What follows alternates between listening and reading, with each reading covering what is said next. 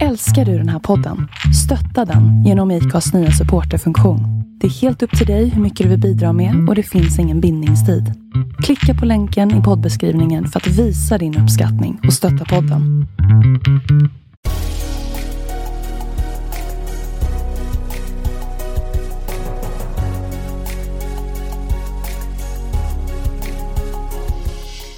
Välkomna till podden Vart är vi på väg? Med mig Jon Skoglund. Och med mig Jonathan Mellblom.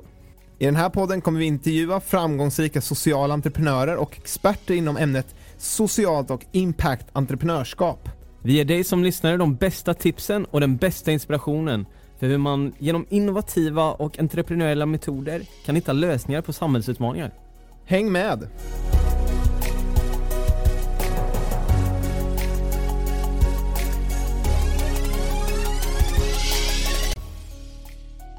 Välkomna till ännu ett avsnitt. Så kul att ni är med och lyssnar och följer våran resa framåt. Om ni vill se mer vad som händer eh, bakom kulisserna eh, och nya avsnitt som kommer ut så följ oss gärna på våra sociala medier som vi har på Instagram, Facebook och LinkedIn och du hittar oss under Vart är vi på väg?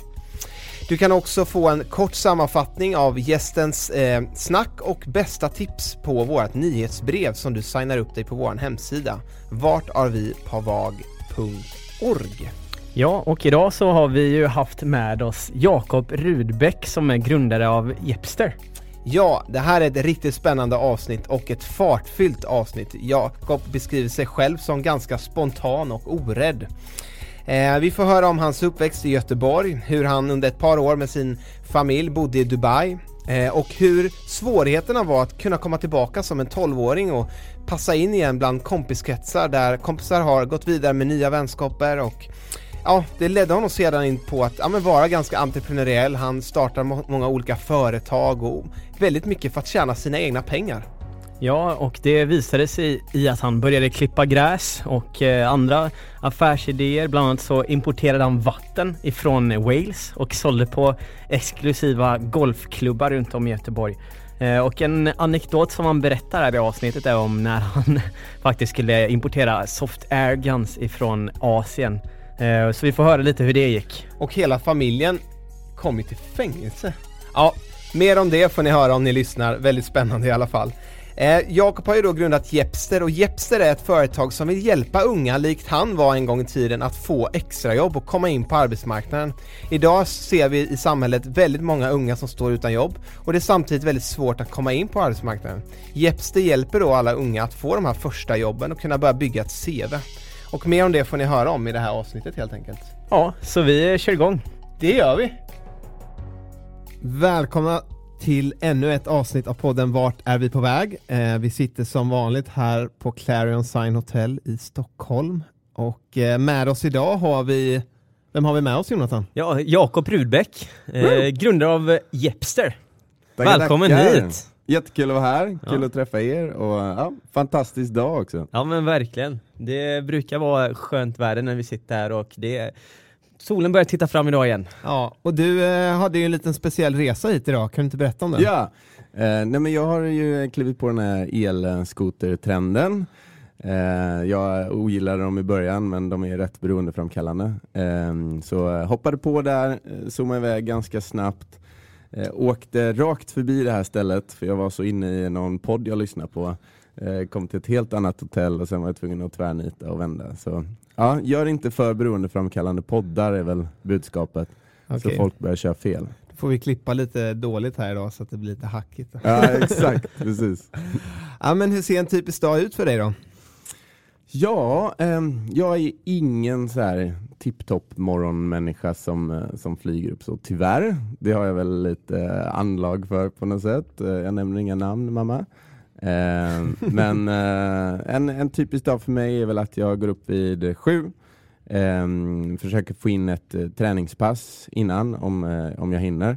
Eh, är på jobbet vid nio eh, och sen försöker jag köra måndagar och onsdagar, det är mina mötesdagar. Eh, tisdagar, torsdagar är fokusdagar, de försöker jag hålla rätt rena. Och sen eh, fredag är det, eh, ja, det, det, de är lite flex, men vi försöker runda av på ett bra sätt med teamet. Eh, fira alla små vinster, Ehm, och ja, liksom stänga veckan så man inte ligger och nöter saker hela helgen. Liksom. Är det viktigt för dig att ha bra rutiner? Det låter som det i alla fall. Ja, jag är ju en rutinlös, spontan, nyfiken galning egentligen. Så, så att forcera in lite rutiner är fantastiskt för mig. Så jag nämnde, jag har precis köpt ett hus här nu för att få lite lugn i vardagen. Så ja, jag är lite för social, det är min tjej också, så vi hoppar gärna på allt. Så, så att känna sig själv tror jag är rätt viktigt och kunna sätta lite sådana grejer. Så onsdag, torsdag till exempel jobba sent kvällarna. Så då är vi kvar på kontoret, vi beställer in käk och, och så här. Eh, tisdag är det date night med damen. Så ja, vi, vi lägger lite sådana eh, riktlinjer. Det tycker jag är väldigt viktigt och värdefullt och jag tycker att fler människor borde göra det. Speciellt det här med date nighten, att öronmärka en, en kväll då det är en själv och ens partner. Liksom. Grymt, vad brukar ni hitta på på date nighten? Ja, det, eh, ibland så går vi ut och, och käkar såklart. Eh, men eh, är vi helt slut, min, min tjej driver också bolag, eh, så kan det bli, nu körde vi Game of Thrones maraton här.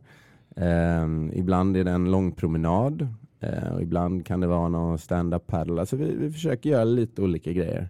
Men, eh, men väldigt beroende på hur situationen ser ut. Man, man måste, måste vara mänsklig mot sig själv. Mm. Det ska inte bli en stress att man måste komma på saker. Liksom. Du som eh, grundare och en vision, visionsbärare kanske man kan säga i eh, Jepster. Lyckas du planera in någon tid i, i dina veckor och fokusera framåt och tänka utveckling av Jepster? Ja, det tycker jag. Men det är ju aldrig under arbetstid.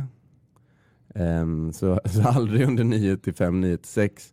Uh, eh, I natt låg jag väl och grunnade till halv två.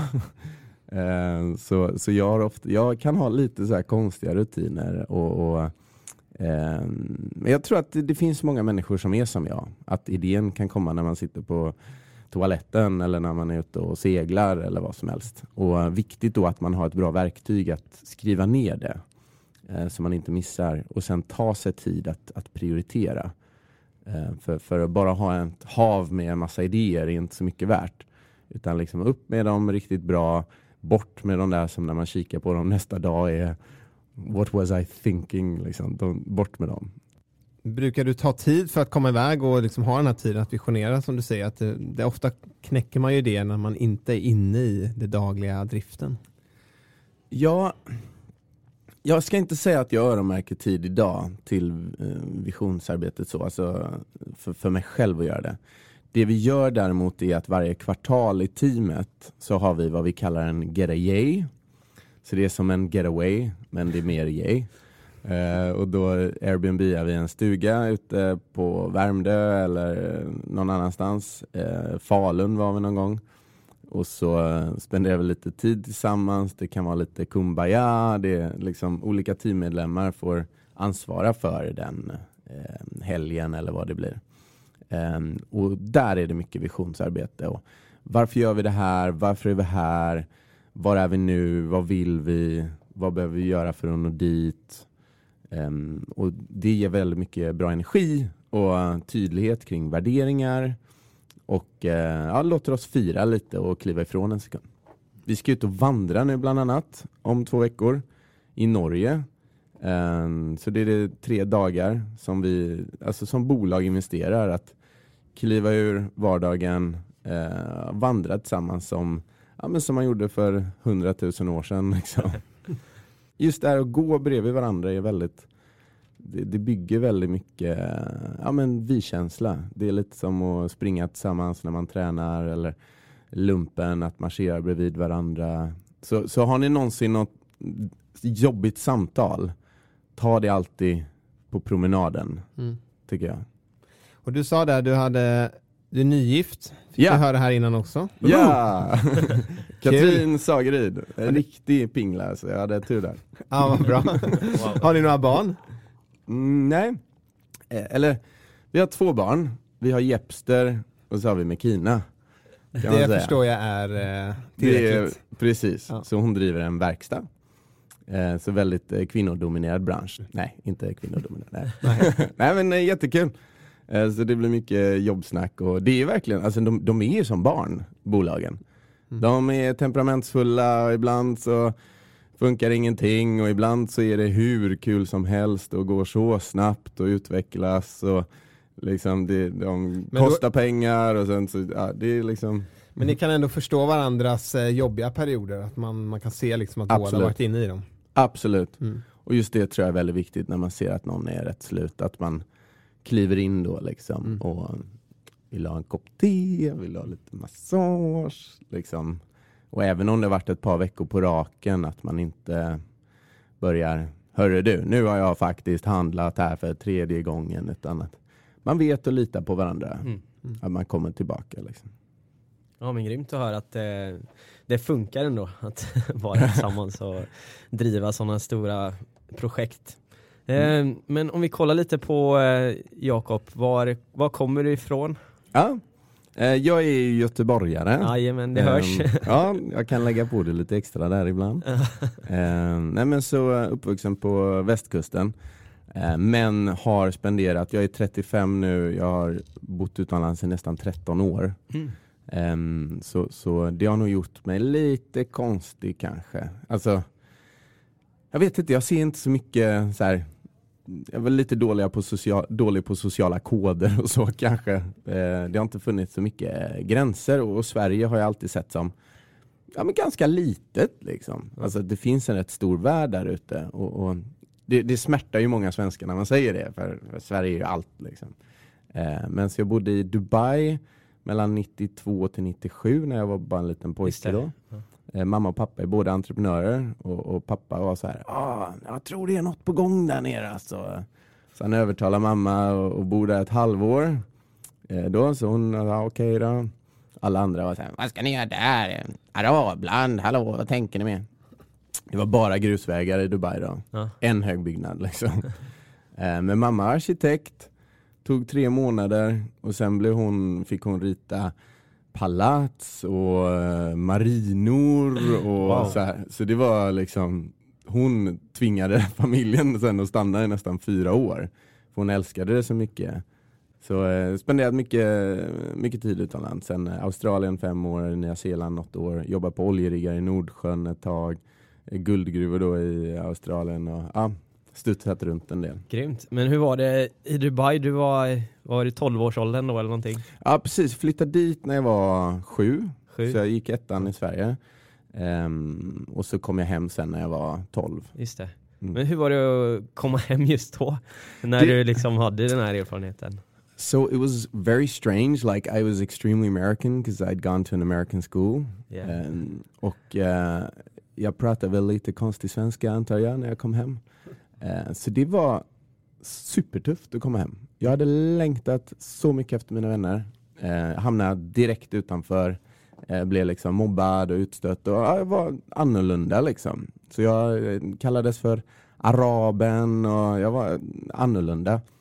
Ehm, och det har nog präglat mig rätt mycket, att jag ställer mig väldigt naturligt alltid Mm. på den lite svagare sida, ehm, för jag själv vart där. Ehm, så det, det var tufft. Det, det tog mig många år att liksom fatta hur Sverige funkar. Att här, här står man inte upp och berättar om allt man är stolt över och det här, utan man liksom så här, ja, bygger ett litet företag här och ja, vi får se hur det går kanske. Och då älskar alla en. Liksom. Ja, det känns som att vi har haft eh, många här i podden som har haft just den här bakgrunden av att eh, spendera en tid utomlands under sin uppväxt. Så det kanske är ett återkommande drag att man verkligen får en annan förståelse för eh, världen och liksom vilka möjligheter som faktiskt finns. Intressant. Jag har aldrig tänkt på det. Jag, jag tror det ligger något i det. Och, och om inte det här att det är inte så jäkla farligt. Alltså, man flyttar. Vi ska ju prova i sex månader. Vi hade jättekul. Alltså, Mm. så här, det är inte så farligt att, att prova. Nej, Det precis. tror jag. Mm, det sitter Ja, men- där någonstans. Grymt, men sen eh, gymnasiet, vad gick du där? Mm.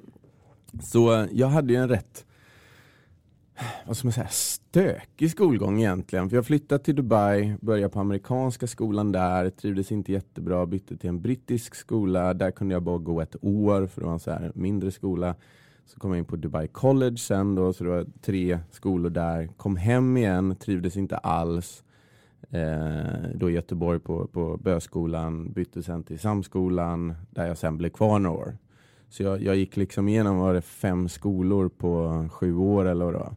Så det var nog inte den optimala skolan. Eh, men eh, trivdes. N när jag kom hem från Dubai så konstaterade läraren att jag låg tre år framför alla i typ matematik och sådana här ämnen. Wow. Eh, för jag vet inte, den brittiska amerikanska skolan den hade nog appealat lite till mig. Där var det lite så här, gjorde man bra ifrån sig så fick man en guldstjärna och så hamnar man i någon grupp med avancerad matematik och så här.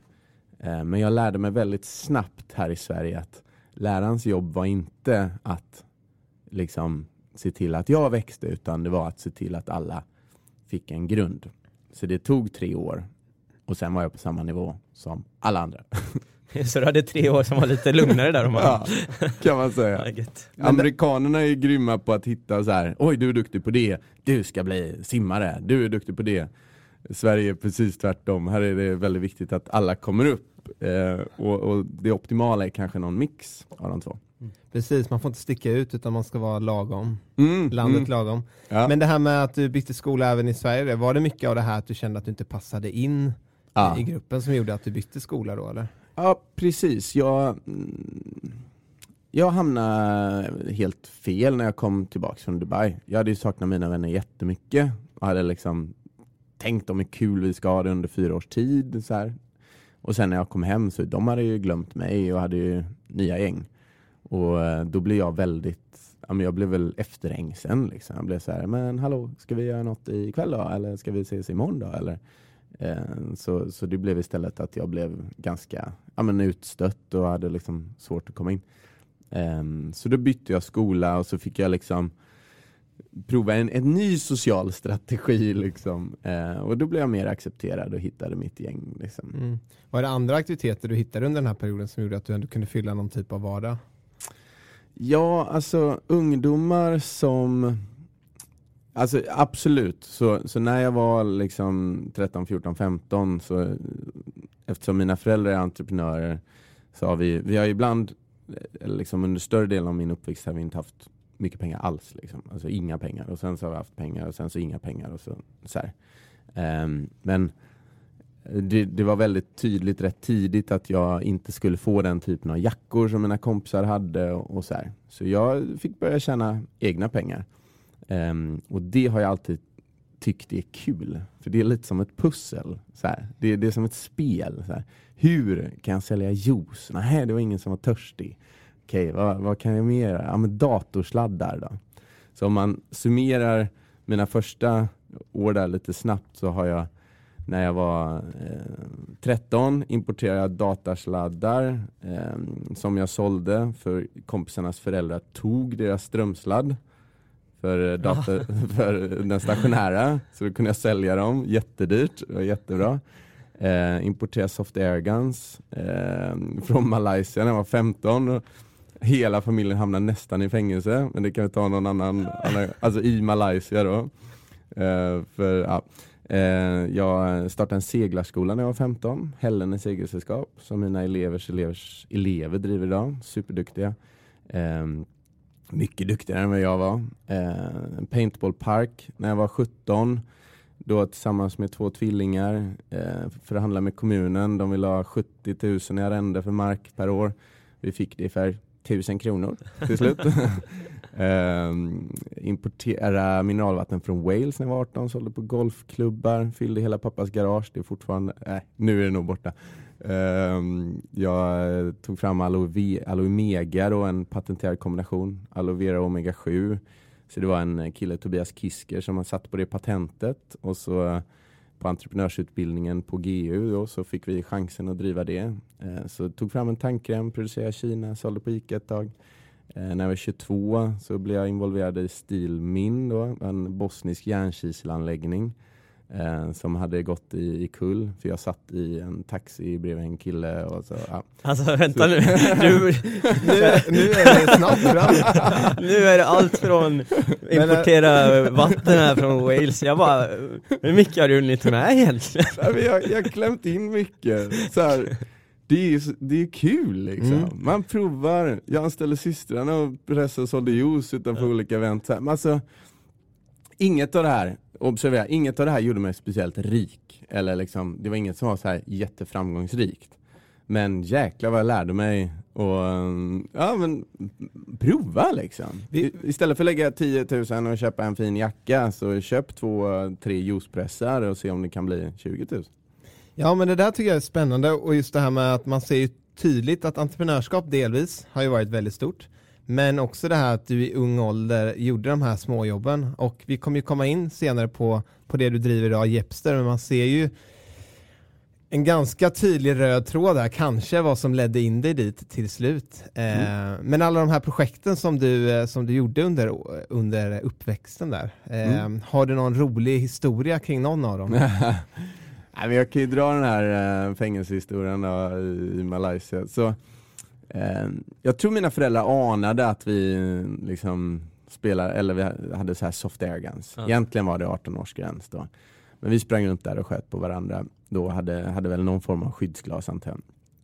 Eh, så det var en jättemånga då 14-15-åringar som gärna ville ha de här soft air gunsen och de var dyra i Sverige. Så var vi i Thailand på semester eh, och så visste jag då att ett ställe där sålde de här eh, billigt och det fanns många. Så jag fyllde hela min resväska. Alla pengar jag tjänat ihop liksom proppade jag ner i den här resväskan. Så jag hade väl en Säg en 18-20 pistoler då i min resväska som jag liksom lindat in i kläder och så här så inte mamma och pappa skulle hitta dem då. Eh, och allt eh, går fint och bra så vi, vi eh, åker och tar båten sen till Malaysia om jag minns rätt för vi skulle flyga från Malaysia. Ehm, och så kommer vi in där och ser någon tullpunkt liksom.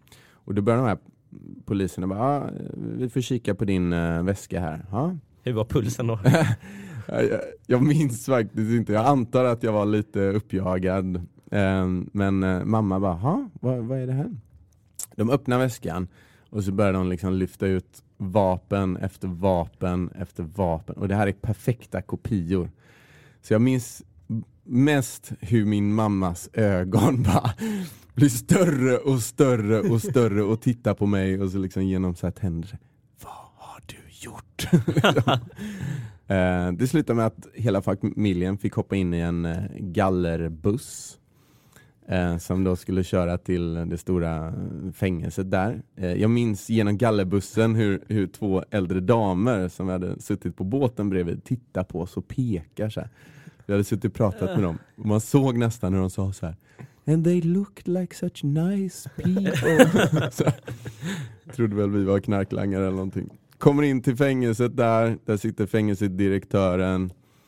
Eh, och så tittar han på vapnen och säger han Replica weaponry is a very serious offense in Malaysia and can result in up to two years imprisonment per firearm. What? Typ 36 år liksom. Precis. Så pappa var nej, nej, nej, nej, nej, det här är ett missförstånd, we surrender these, eh, det här är rep... Ja. Det var ju lite tufft då, alla pengar som du hade lagt ner. Jag var svinsur, det var det enda jag minns, hur jag sparkade på pappa där, typ när vi satt där så att, för han gav ju bort hela min investering. Och jag, tror, jag var helt säker på att om han bara hade stått på sig lite pappa så hade Men nu i efterhand är jag nog rätt glad. Tungt men en grym story där. Eh, och det här med vattnet från Wales, det kanske inte hade gått hem så mycket idag med allt eh, vad, vad hållbarhet heter. Eh, men var det någonting som liksom du funderar på någonting med frågor som rör liksom samhällsutmaningar redan i ung ålder? Det gjorde jag eh, och jag kände absolut det här med att transportera vatten känns ju som en dumhet liksom. Men jag, jag ville väldigt gärna prova att driva något enkelt. Alltså så här, jag, jag pluggade ju samtidigt. Så bara, vad är det enklaste man kan göra? Finns det någon produkt jag kan köpa som, som inte är liksom mat som blir gammal eller, eller något sånt här? Um, och då hade jag sett de här vattenflaskorna som var så himla häftiga. Jag bara undrar varför finns inte de här i Sverige? Eh, så det blev liksom ett så här premiumvatten som såldes på vissa golfbanor utanför eh, Göteborg för liksom 85 kronor flaskan. Wow. Men eh, det var väl ingen jättebra affär. Det var rätt mycket jobb för att försöka övertala de här eh, att ta in det och de såg väl att ja, de litade väl inte helt på, på min förmåga kanske att leverera och att, att det här var så viktigt. Liksom. Ja, Men, men absolut, så här, vad gäller miljöutmaningar och att göra någonting bra för planeten så jag, jag har landat lite i resonemanget så att vi är alla smarta människor. Liksom. Vi, vi, vi kan alla bli förmögna och nå, liksom, eh, bli framgångsrika på att sälja pappersrosetter eller vad det än är. Men tänk om man kan bli framgångsrik och förmögen och allt det här och samtidigt göra någonting man kan vara riktigt stolt över. Alltså så när man sitter där på dödsbädden med sitt barnbarn som frågar ah, morfar vad, vad har du gjort? Så kan man säga ah, men jag var med och byggde det där. Och eh, du nämnde lite att du hängde på Göteborgs universitet. Mm. Eh, vad, hur var den universitetstiden och vad pluggade du för någonting? Ehm, så eh, Chalmers var egentligen mitt plugg då. Det, det är två kanske så incidenter lite som har format mitt liv ganska mycket. Och, eh, det ena är att jag träffade min mentor när jag var ute och klippte gräsmattor. Ehm, då, och, och den eh, mentorn, då, Dan Sten Olsson som, som driver Stena så här. ehm, han, han lutade sig över staketet och sa så här, det, det var en handlingskraftig ung man, det ser man Ja. inte ofta nu för tiden. Och så här, tack så mycket, tack. Och sen så fick jag reda på vem det var och då gick jag över och, och knackade på. Och det var nog det mest nervösa jag gjort i hela mitt liv. För det, jag var väl 15 kanske, eller så, här. så jag hade världens svettlökar. eh, och så kom han ut där och kravatt, liksom, alltid välklädd. Så, ja, hej min unge man. Ja, hej Dan, hej. Eh, hur kan jag stå till tjänst? Eh, jag tänkte att du kan lära mig allt du kan. Sa jag. Så här, vill du investera i min software-business? Så- Jag bara, Jaha, hur menar du då? Hur ska jag göra det? Hade du tänkt? Eh, nej men jag kanske kan få följa med dig till jobbet och så. Så tänkte han några sekunder, sen skakade han på huvudet och nej, nej det, jag kan inte ha med någon liten pojkspoling på mina styrelsemöten. Och pojkspoling, alltså jag blir lite arg. Vadå pojkspoling? Så jag sa, då, blir jag, då frågar jag honom istället. Nej, vad kan du göra då? Och då blir han så, oj oj oj. Eh, jo men eh, vi kanske skulle kunna ta en promenad varannan månad eller så. Om du har några frågor eller något vi bollar om utbildning eller jobb så kanske jag kan hjälpa till. Eh, och det var starten då på ett eh, ja, 16-årigt mentorskap. Eh, så Dan var på mitt bröllop här nu för Mm. två och en halv vecka sedan och Mm. sjöng på scenen. Det var jättekul. Eh, så eh, det, det har påverkat mig väldigt mycket. Och just i val av utbildning och vad man ska plugga och när, där, där gav han mig lite ett mission att eh, välj din nisch, se till att försöka vara inom den bästa kvartilen inom det och sen bredda dig så mycket du bara, bara kan och misslyckas med så många tokiga projekt du bara kan. Och, och det är lite det jag har försökt följa. Så jag har liksom pluggat stenhårt på Chalmers och skaffat mig en master där och så kände jag att jag hade kapacitet över så då tog jag också Handels och, och skaffade en master där och sen så pepprade jag på med en massa projekt. Var det parallellt du körde dem? Ja, utbildningarna? ja precis. Det. Men där, jag hade aldrig kunnat göra det själv. Jag hade aldrig haft motivationen till det. Utan det var att jag såg till att eh, hamna i en kompisgrupp som var lite sådana. Så vi tävlade lite i att ta högskolepoäng och vi gjorde det till en kul grej. Annars hade, nu hade jag aldrig orkat. Liksom. Men, men eh, då var det så, Chalmers där satsade jag på, där ville jag ha bra betyg och Handels ville jag bara få godkänt. Liksom. Ja men eh, grymt. Och lite, lite kort, vad, vad gjorde du efter eh, plugget här? Ehm, efter plugget så, så här, om, om jag ska vara ärlig så har jag nog varit lite av en hopplös romantiker. Så jag, jag har följt efter olika damer till olika kontinenter. Som tur är nu så har jag hittat rätt och, och då var det ju såklart tjejen runt hörnet liksom här hemma i Sverige. Eh, men så jag eh, bodde utomlands ett tag som jag nämnde eh, och träffade en tjej när jag bodde i eh, Milano som var från Australien. Eh, vi bodde tillsammans ett tag i Sverige och sen ville hon tillbaka till Australien. Så då hakade jag på det. Så direkt efter plugget så stack jag till Australien. Eh, inget jobb, eh, knappt några pengar i plånboken, en enkel biljett liksom. Tänker det här löser Mm. sig. Vi hade varit ihop i fyra år. Det tog slut efter fyra veckor i Australien. Oj. och sen var det någon som sa ah, bloody oath mate, you're an engineer, you should be in Perth. Så köpte jag en enkelbiljett till Perth. Satt jag bredvid en kille på planet, sa Oh, you know, I moved to Australia. I, I had a, a girlfriend. I had a job. Uh, I had some money in Sweden. I had uh, friends. I had, uh, you know, now I have no girlfriend, no job, no friends. No. Han bara, ah mate, if you need a place to stay, you can move in with me. Eh, Så jag hoppade in i bilen med honom från eh, när jag landat och flyttade in där. Jo! Och eh, det var liksom starten på eh, några av de bästa åren i mitt liv. Mm. Eh, Så det här med spontaniteten har följt dig ganska mycket kan man säga? Ja, det är inte så farligt Nej, nej, att prova. Alltså, Mm. De bästa sakerna händer när man tar sig ur comfort zonen. Och det är allt, eftersom man blir äldre blir man ju mer och mer försiktig. Så, så våga kasta sig ut då och då.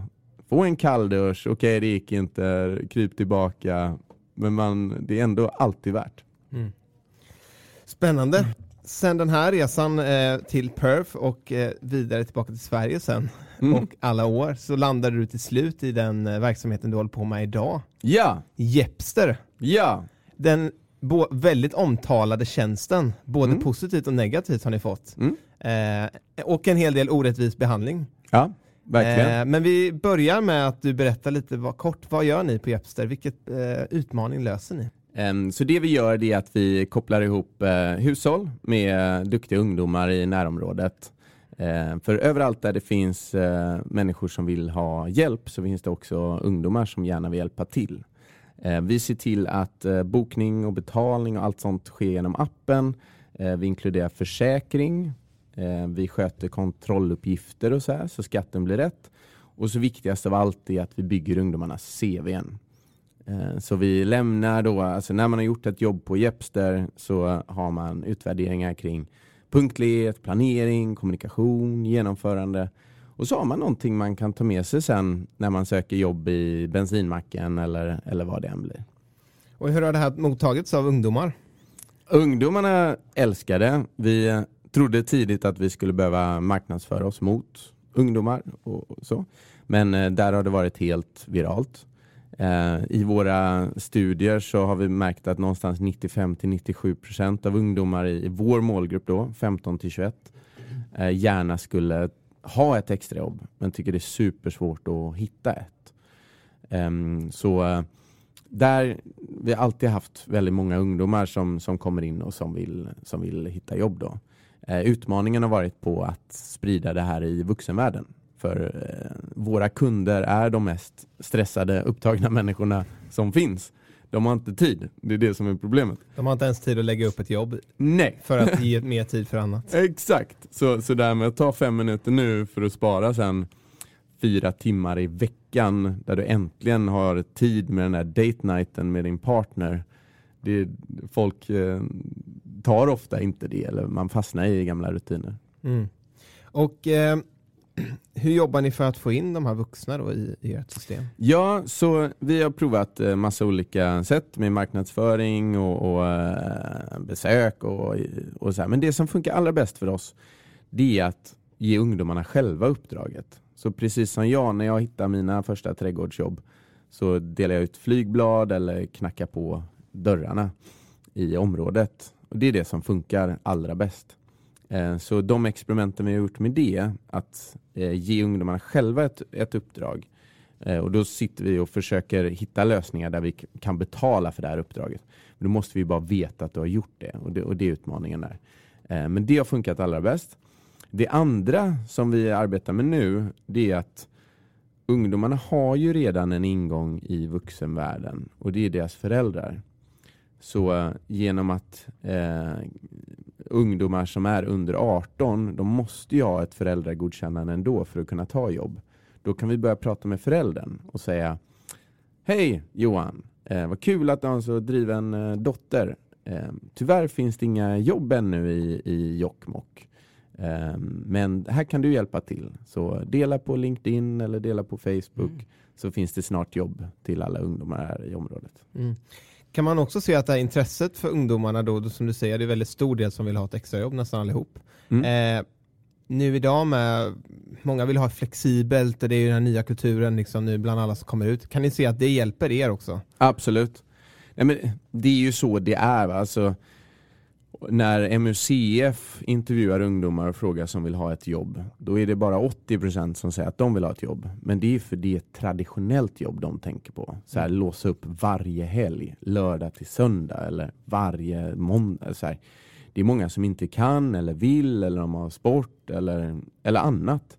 Men just den här möjligheten att så här, jag pluggar, jag går i skolan, men här hade jag en lucka här kan jag hjälpa farmor att gå och handla eller här har vi en hel helg. Ja men jag och min kompis eh, Sara här, vi kan ju passa på att måla staketet över gatan. Mm. Um, så den här typen av gigekonomi den får utstå mycket kritik och att uh, det, det inte är en ersättning mot heltidsjobb. Helt korrekt. Det ska absolut inte vara en ersättning för heltidsjobb.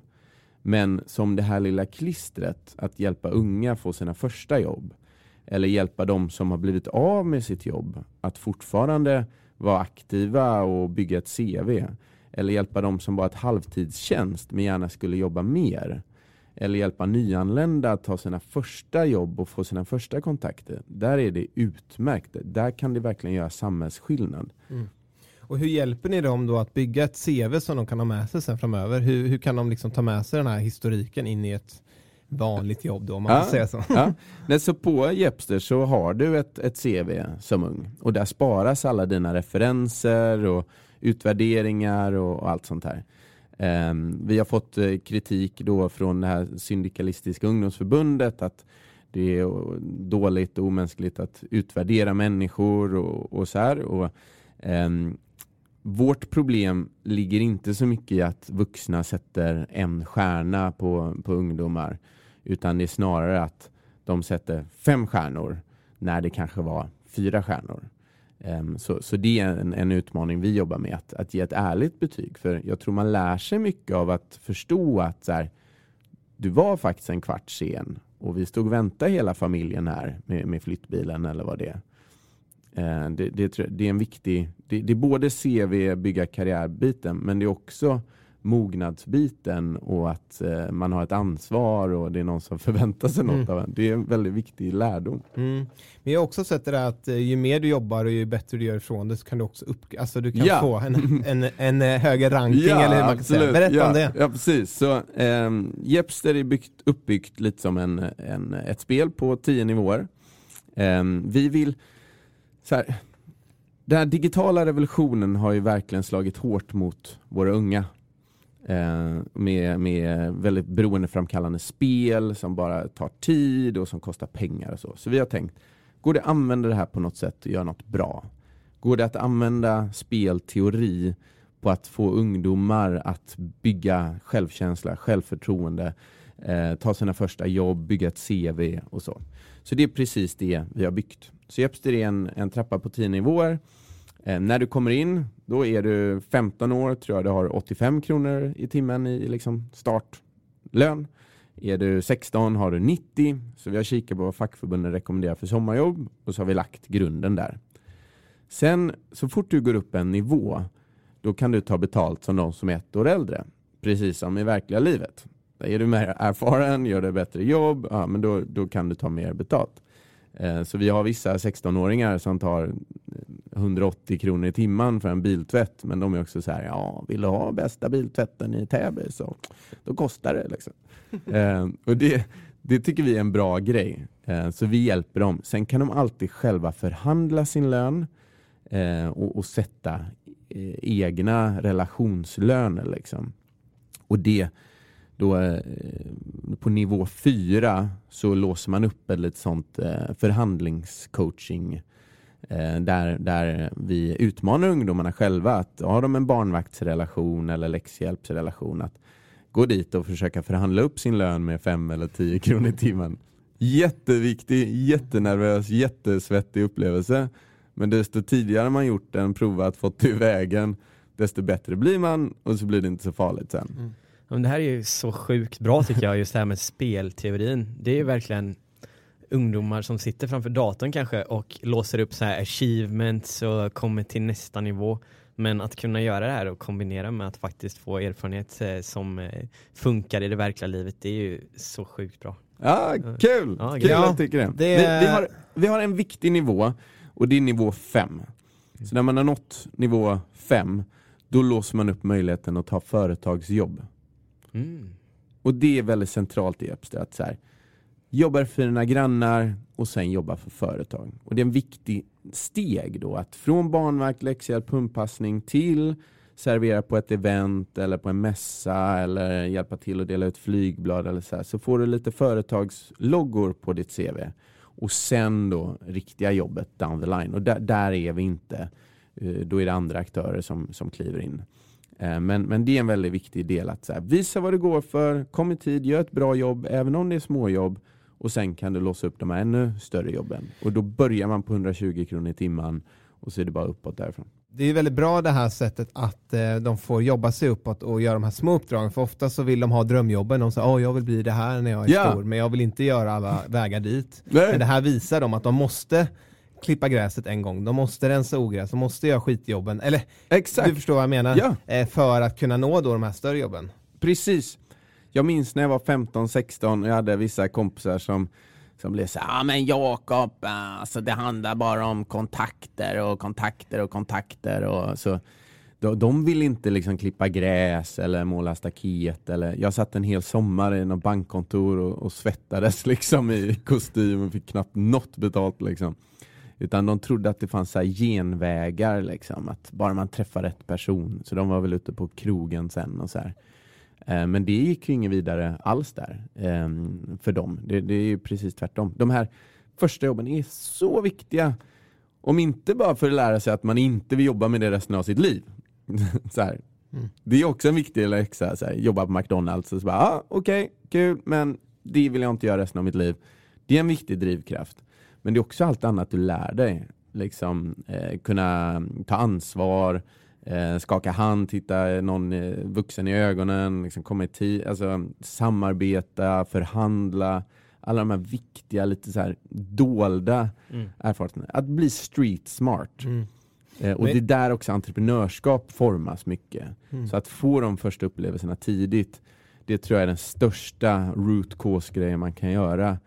Och det är därför vi, vi känner oss väldigt eh, stolta som socialt bolag. För vi kommer utrusta framtidens generation så att de kan tackla alla de här utmaningarna, miljökrisen och så. För, för Mm. vår generation är det för sent. Vi har redan fuckat upp där. Utan det är kommande generation som får lösa allt det. Mm, jag har ju själv eh, växt upp och jobbade på McDonalds vid väldigt tidig ålder och det var inte det coolaste att säga till kompisarna att man skulle dra och svettas i ett kök eh, hela helgen liksom. Nej. Men det har ju verkligen, som du säger, lärt en någonting om att ta ansvar och liksom få växa. Även McDonalds, de har ju väldigt så tydligt så här, ja, men som olika nivåer man kan eh, jobba sig uppåt inom. Ja. Och där är ju så här, du kan ju egentligen bli chef om du vill. Det handlar ju bara om din väg dit liksom. Ja, Det är väldigt de, tydligt dit också. Precis, och de eh, toppjobben är ofta väldigt bra och attraktiva. Hur säkerställer ni det här med försäkring och sådana bitar för de anställda hos er då? Ja, så vi inkluderar en ansvars och olycksfallsförsäkring som täcker ungdomarna. Så om ungdomarna skulle eh, tvätta bilen och sen repa din bil, eller om eh, en ungdom som eh, i läxhjälp hemma hos dig välter en dyr vas, då har vi en ansvarsförsäkring som täcker upp till 10 miljoner kronor. Ehm, sen har vi också en olycksfallsförsäkring om ungdomen skulle klippa sig i fingret när man klipper häcken eller något sånt där. Eh, så så funkar den. Oftast så fungerar ens egen hemförsäkring. Eh, men vi, det här är att se som en, en backup ifall det av någon anledning inte skulle funka. Du säger det här att ni vill ju hjälpa till att förändra framtiden för de som växer upp, att de ska vara de här som bekämpar alla de här olika utmaningarna som vi bland annat pratar om i podden med alla möjliga olika entreprenörer. Eh, vart ser ni er själva om tre år? Om tre år så har vi expanderat till England, Tyskland och så har vi börjat nosa på USA. Eh, Jepster är inget svenskt fenomen.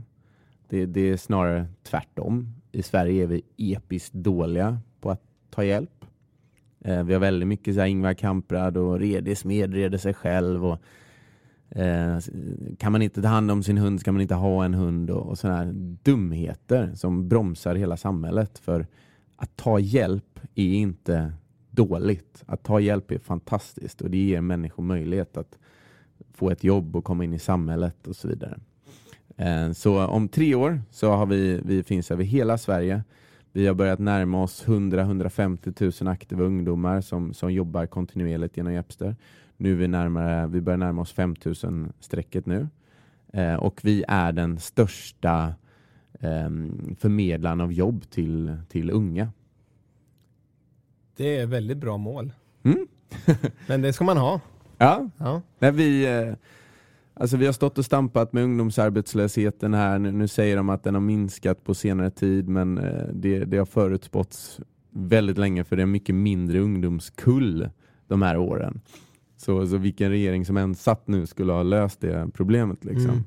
Eh, men eh, det, det behövs något sånt här som eh, ser till att ungdomarna kommer in i jobb. Och, så vi, vi har satt ett mål att halvera Sveriges ungdomsarbetslöshet inom, inom fem år.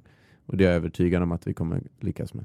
ja, precis. För det var det jag tänkte ställa som nästa fråga kring det här. Vad, hur ni mäter er impact och era kopior eller mätetal. Liksom. Ja, men det är just det ni har då. Att ni vill, ni vill egentligen minska arbetslösheten. Det är ganska tydligt. ja precis. Vi vill ge ungdomar en tydlig, enkel, kul väg in i arbetslivet och visa att det här med jobb och business, allt det är skitkul.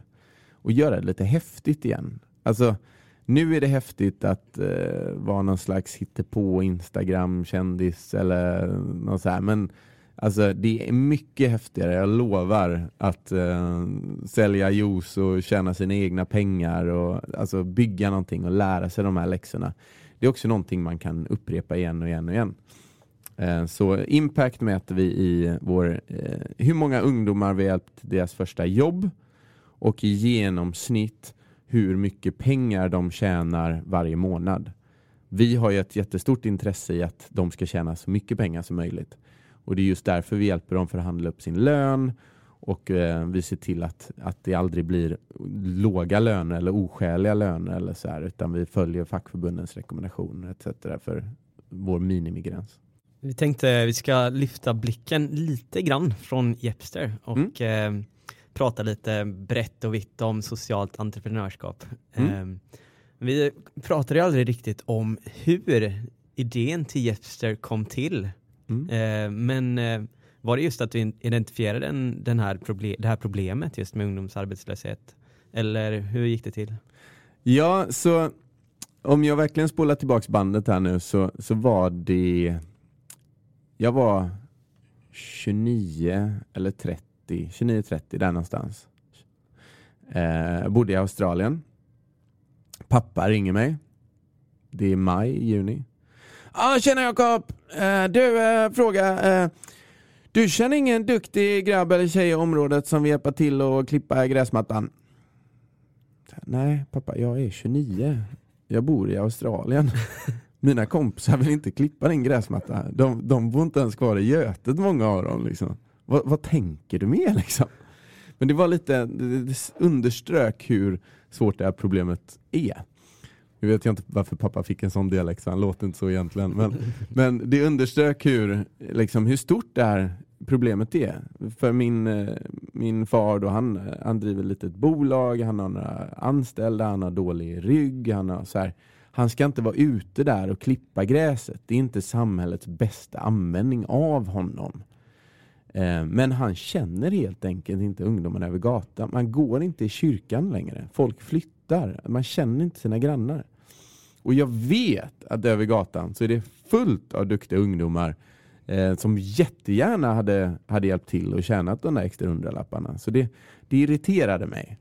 Eh, och det, gjorde, det jag gjorde var att jag gick in på hitta.se och bara drog ut alla telefonnummer jag kunde hitta i, i det området där. Eh, lägenheter, villor, blandat. Och så ringde jag och ställde några frågor så här. Tjena, eh, hoppas det är okej, jag ringer så här hux flux, jag bor här i området. Eh, tänkte bara fråga, jag sitter och spånar på en affärsidé. Eh, har ni någonsin tagit hjälp av tonåringar för någonting? Och vad är det i så fall? Okej, okay. hur ofta hade ni kunnat tänka er att ta hjälp? Eh, vad är rimligt att betala? Och så kom jag fram rätt snabbt till att eh, tre fjärdedelar av befolkningen hade antingen tagit hjälp eller skulle vilja ta hjälp. Så det fanns liksom ett, eh, ett stort underlag. Så det var så här, varför finns inte det här? Det, det är så dumt. Det, det, är klart det måste finnas. Ja men intressant story. Så det var egentligen en kombination av att du din pappa ringde och du mm. fick upp ögonen för den här affärsmöjligheten. Ja. Och sen när du utforskade mer så såg du faktiskt vilken potential och samhällsutmaning detta var. Exakt, och notera att det tog rätt lång tid från att den första idén landa till att jag faktiskt upp mig på jobbet, och, eller jag tog tjänstledigt fyra månader och satte en liten plan för mig själv. så här. Okej, okay, kan jag hitta en duktig CTO? Kan jag ta in lite statligt kapital, då får jag säga upp mig på riktigt. Liksom. Men det var rätt lång tid, så den fick ligga och marinera där en bit till spelelementet också föll på plats för ungdomarna och ja, men, eh, betalningar och matchning och, och, och så här. Och jag tror att det var rätt bra. Det här du sa att du eh, började ringa direkt via hitta.se. Mm. Eh, det visar ju ändå ganska tydligt på att ja, om man får en idé, att direkt ge sig ut, kolla kunden, finns det en kund till det här? Mm. Det är jätteviktigt. Alltså, sitt inte hemma och dröm, utan ring. Alltså, det värsta som händer är att folk lägger på luren i örat på en. Och det gjorde säkert 10 av de 40 jag ringde. Mm. De är inte arga på mig idag för att jag ringde liksom. Men också ganska smart att du ringde området för då hade du ändå en ursäkt. Ja men jag bor i området och ja, vi, vi har ju samma problem liksom, eller samma utmaningar. Ja precis, mm. exakt. En lite kort bara här också. Vi har ju läst om Jepster att mm. eh, ni på något sätt fick bli ett litet, eh, hamnade emellan två olika politiska block yeah. kan man väl säga. Eh, och ni har ju ändå tacklat det här problemet utifrån att ni driver ett företag mm. som vill lösa ungdomsarbetslösheten. Något ja. som politikerna kanske inte eh, har lyckats göra men pratar väldigt mycket om det. Ja. Men eh, bara berätta vad det var som hände där. Ja, det, det är lite, det är både en olycksalig historia men sen så är det också väldigt bra för, för sådana här typer av konflikter eller så. Det, det leder ju till diskussion att man, man både kan syna sig själv och så här, är det någonting vi inte är stolta över? Är det någonting vi känner att vi, vi gör fel eller så eh, men också att man kan lära sig av varandra. Man kan säga så här att den här ungdomsorganisationen Syndikalistiska ungdomsförbundet de påpekar en väldigt viktig grej och en väldigt viktig utmaning och det är att gigekonomi, om man inte har koll på det, om man inte har någon form av reglering så kan det bli dåliga arbetsvillkor. Och det finns exempel med cykelbudstjänster där folk tjänar 29 eller 40 kronor i timmen och så här. Och sånt skräp ska vi inte ha. Ehm, det, där de gör missen är att de, de har försökt att ge, ge sig på Uber, Volt, Foodora. De är för stora. Det är ing, de lyssnar inte, de, de struntar i några dåliga reviews. Det de gör då istället är att de går på oss. Och varför gör de det? Jo, för att vi är, vi var då sex personer i ett kontor. De har 1500 medlemmar. Vi eh, kämpar, jobbar, jobbar heltid och, och, måste liksom få lön och så här. De är studenter, de har obegränsat med tid och de är dessutom statligt finansierade och, och får mycket pengar som de kan trycka ut flygblad och, och så här för. Eh, så, så där blir det en mismatch. De tänker att vi försöker utnyttja ungdomar, det här måste finnas någonting. Eh, vi går på Jepster. Och deras stora slogan var Barn ska inte behöva betala för att få jobba. Och då kan man fundera på det där en sekund. Va, vad är det Jepster gör egentligen? Jo, vi hjälper unga hitta jobb i närområdet. Det gör de redan idag, men det görs i väldigt liten skala. Det är svartjobb, det är oförsäkrat, man har ingen koll på vem köparen och säljaren är. Föräldrarna har ingen koll. Man vet inte när uppdragen är bokade. Så här, det är en, marknad, en svart marknad som har funnits väldigt länge och den är helt okontrollerad och inget man kan använda på sitt CV heller. Den försöker vi ta och, och vända på då och göra försäkrad och vitt och korrekt. Och ungdomar kan spara på CV och föräldrarna är notifierade och, och göra den bra.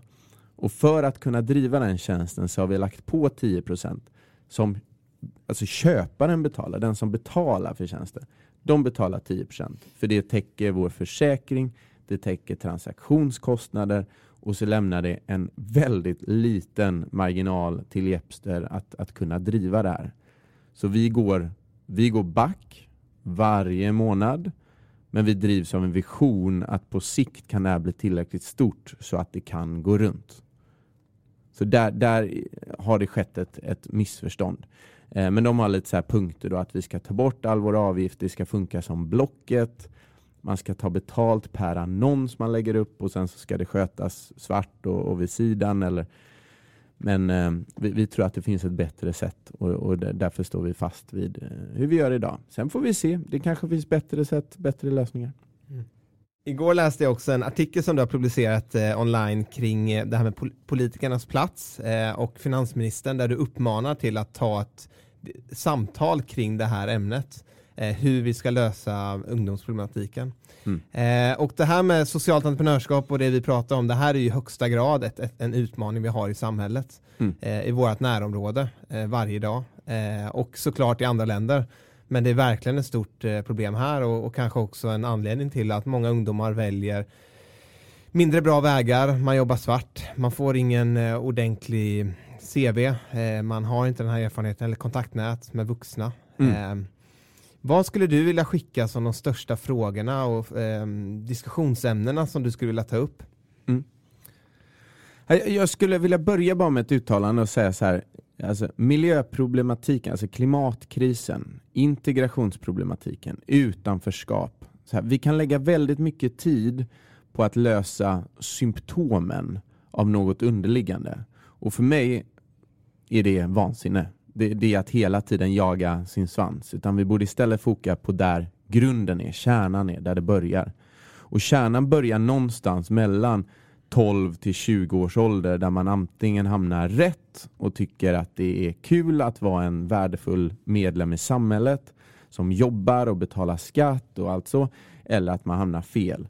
Det är någonstans där också man känner att man antingen har kontroll, man kan påverka, man vågar ta risker och det är den typen av människor som kommer göra saker bättre, förändra, eh, lösa de här problemen. Eller så känner man att man inte har någon makt, man har ingen kontroll, allt är riggat, jag kommer ändå aldrig få något bra jobb och så hamnar man på andra spåret.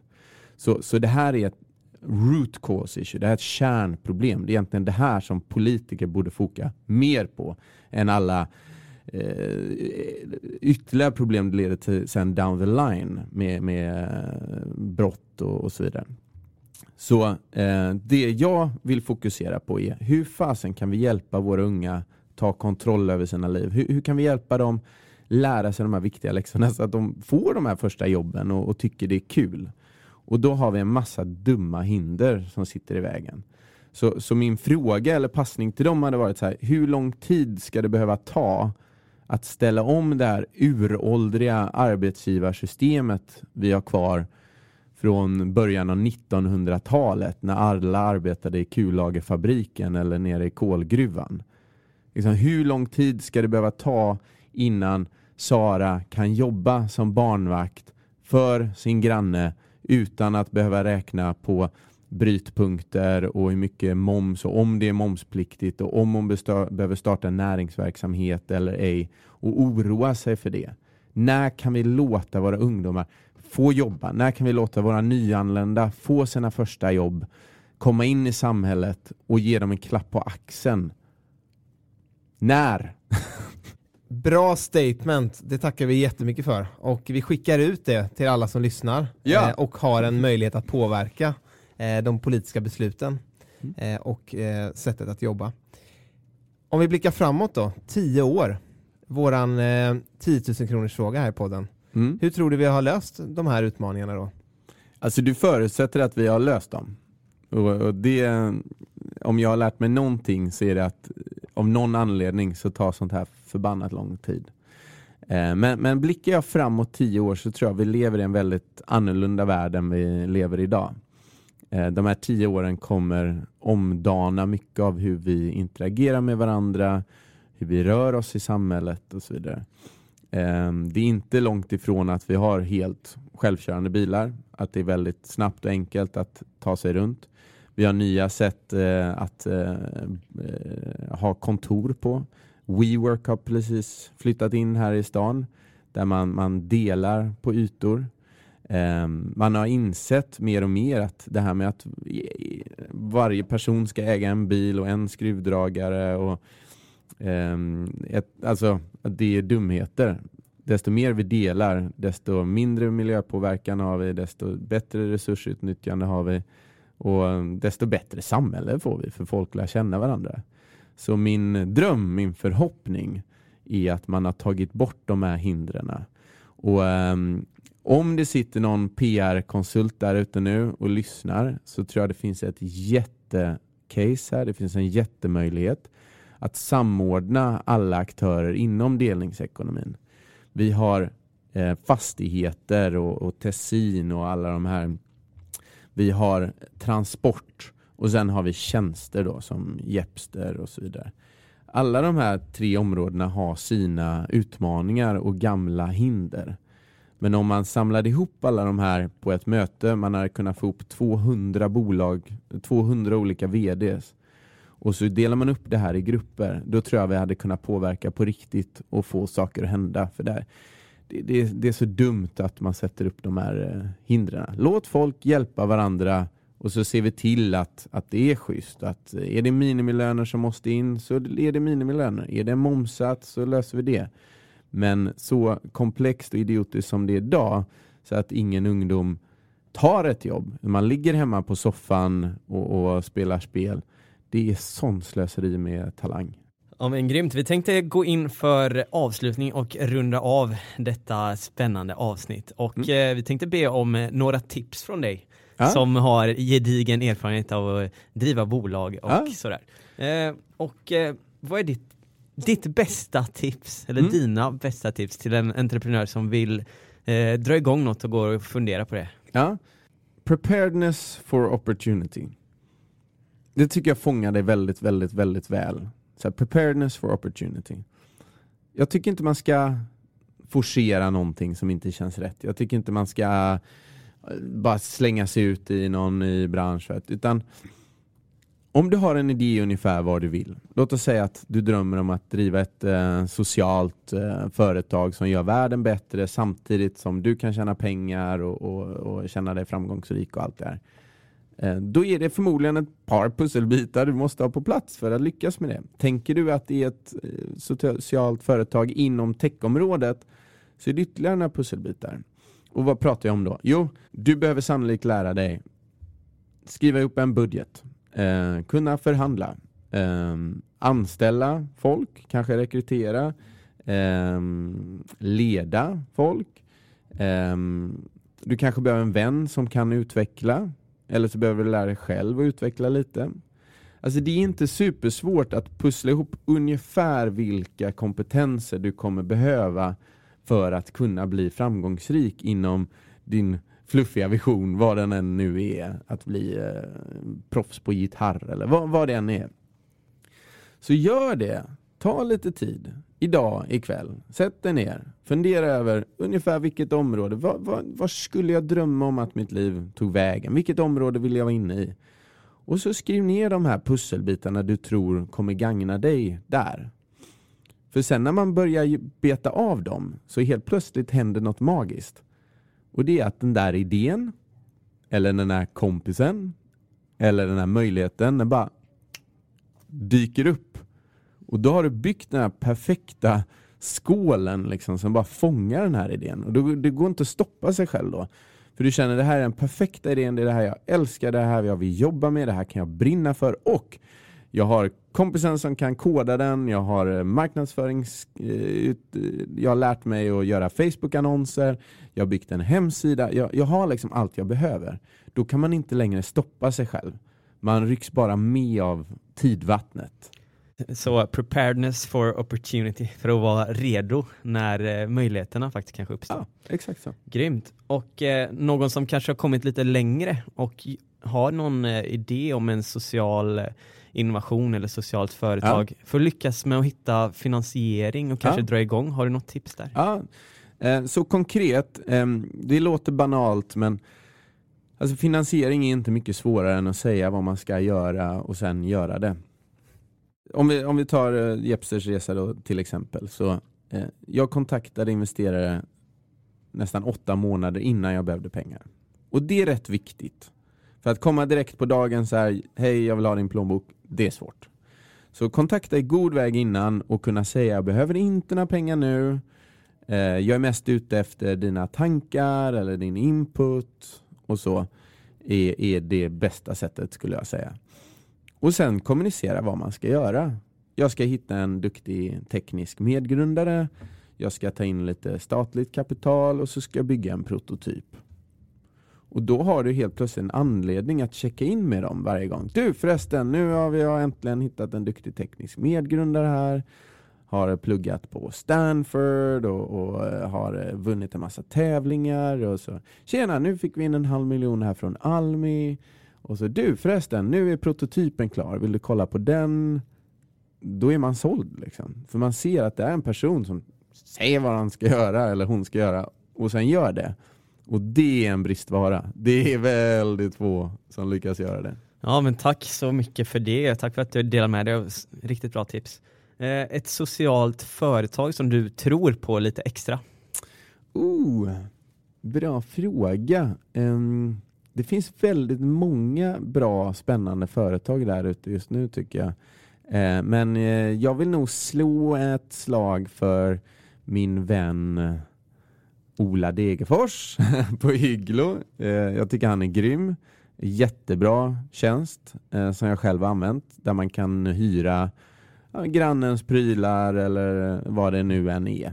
För alla behöver inte äga en, en borrmaskin eller en takbox. Ja men eh, grymt. Ja. Vi har ju faktiskt haft Ola här i podden så vi får rekommendera att lyssna på avsnitt eh, nummer, nummer två. två. Ja. ja, ja precis. För att höra mer om Hygglo, men grymt. Eh, sen skulle jag passa på att göra lite, lite smygreklam också, men eh, jag tycker att eh, min eh, fästmö Katrin, som vann årets framtidsgasell och som driver en verkstad som reparerar uttjänta elverktyg inom byggbranschen, eh, gör ett fantastiskt miljöarbete också. Mindre än en promille av alla verktyg repareras. Man, man borrar, Eh, med sin borrmaskin och sen så slutar den funka och så slänger man den när då 99% kan repareras. Eh, så där behövs en tankeomvändning i, i, i världen och Katrin gör ett, eh, ett grymt jobb. Men jag är lite biased i och med att det är min Ja just det. ja men eh, spännande, bra mm. tips. Och eh, det var väl lite våran sista fråga också, vem du skulle vilja se bli intervjuad här, men då har du ja. redan svarat där. Ja absolut Katrin, hon är skithäftig. Eh, aldrig pluggat universitet eller något sånt. Drog till Thailand när hon var 19, startade ett callcenter, anställde svenska backpackers. Har gjort fyra bolag nu. Där verkstaden köpte hon ett konkursat verkstadsbolag på slump. Alltså, hon la ett skambud och så blev det affär. Och nu har hon 15 eh, mekaniker och växer så det knakar och, och, så här, och kunde ingenting om den industrin innan hon klev in. Så. Spännande, kanske vi får höra mer om här då i podden. Ja. ja, men det är väldigt bra just det här med när den cirkulära ekonomin inte funkar som den ska så finns det en part som hjälper till att den ska funka bättre. Ja, precis. Men det vill vi säga tack för idag. Tack själva, tack för jättetrevlig intervju. Ja, och eh, vi önskar all lycka till framöver. Tack så mycket och fortsätt förändra världen. Tack. Grymt. Tack. Tack så mycket för att du har lyssnat på dagens avsnitt. Glöm inte bort att följ oss i sociala medier. Vi finns på Facebook, Instagram och LinkedIn och även vår hemsida vartarvipavag.org. Och om du har möjlighet så får du jättegärna gå in och ratea våran podd på iTunes. Yes, och för dig som vill ta del av podden ytterligare så tycker jag att du ska gå in och signa upp dig för vårt nyhetsbrev där du varje vecka får en liten kort resumé av avsnittet men också de bästa tipsen och de bästa insikterna från gästen som vi har haft med oss. Eh, så om du har varit ute på språng och inte haft möjlighet att anteckna något så gör det ingenting utan du får det på ett mail veckovis. En riktigt bra deal helt enkelt. Så se till att signa upp dig så fort som möjligt så ses vi nästa vecka igen.